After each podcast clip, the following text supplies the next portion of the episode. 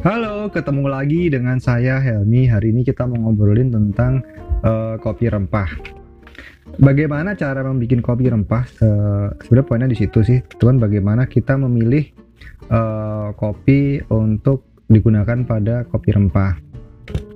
Uh, seorang acaraki atau peracik jamu pasti sudah mempunyai komposisi tertentu untuk uh, meracik rempahnya uh, sesuai dengan kebutuhan yang uh, sesuai dengan kebutuhan tujuan. Uh, semisal untuk hangat badan mungkin dengan penambahan jahe untuk vitalitas mungkin dengan pasak bumi nambah ginseng dan lain-lain.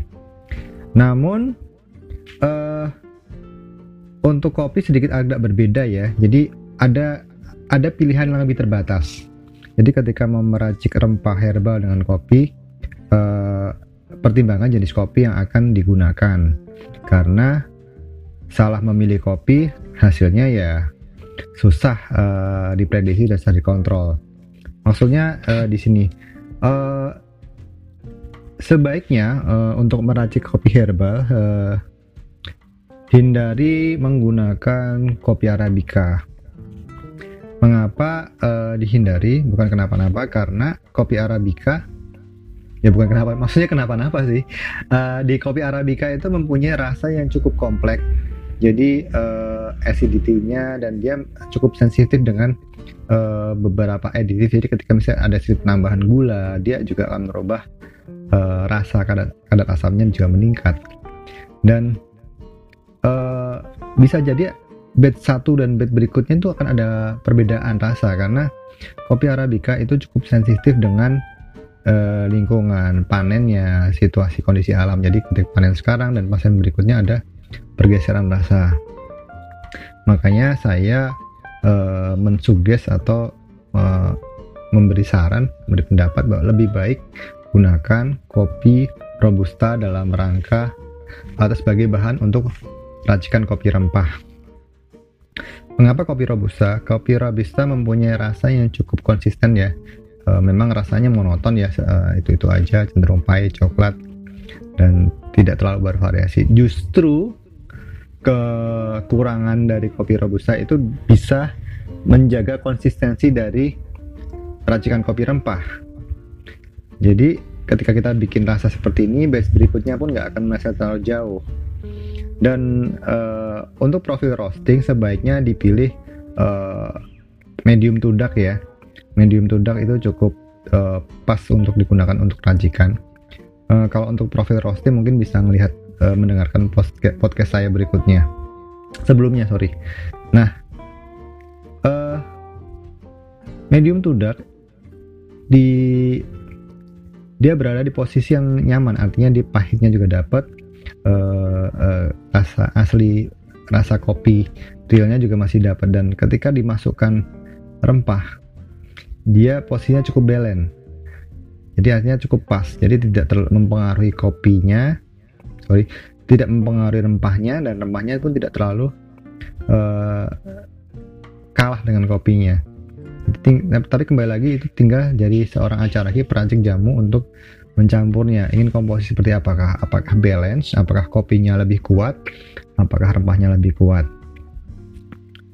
Uh, sekian podcast dari saya tentang bagaimana memilih kopi untuk digunakan racikan kopi rempah.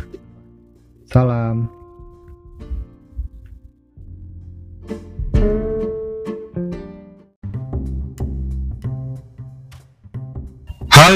Ketemu lagi dengan saya Helmi di channel podcast saya Helnom.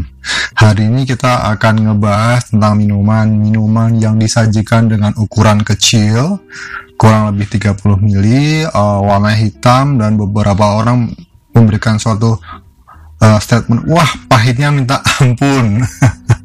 ya, uh, kita mau ngebahas sedikit tentang espresso ya jadi espresso adalah minuman yang dihasilkan dari kopi, kop, uh, biji kopi yang sudah digiling, uh, dan kemudian dia uh, diproses dengan melalui tekanan air, baik dengan menggunakan uh, alat manual ataupun mesin, nanti manual espresso maupun uh, mesin espresso, sehingga menghasilkan espresso.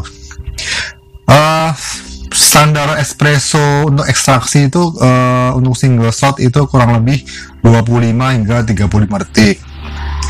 Uh, ngomong-ngomong penemu espresso, uh, kalau nggak salah namanya Luigi Becerra ya. Uh, ada beberapa minuman yang berbase espresso. Uh, kita juga mengenal ristretto. Uh, dia mungkin rasanya lebih sweet ya. Nah, ristretto itu kurang lebih di 15 mili. Uh, ada juga uh, doppio double shot. Nah, jadi kalau tadi dikatakan bahwa untuk espresso satu shot ekstraksinya 25 hingga 35 detik. Nah, untuk ristretto uh, bisa diperoleh dengan kurang lebih di 15 detik.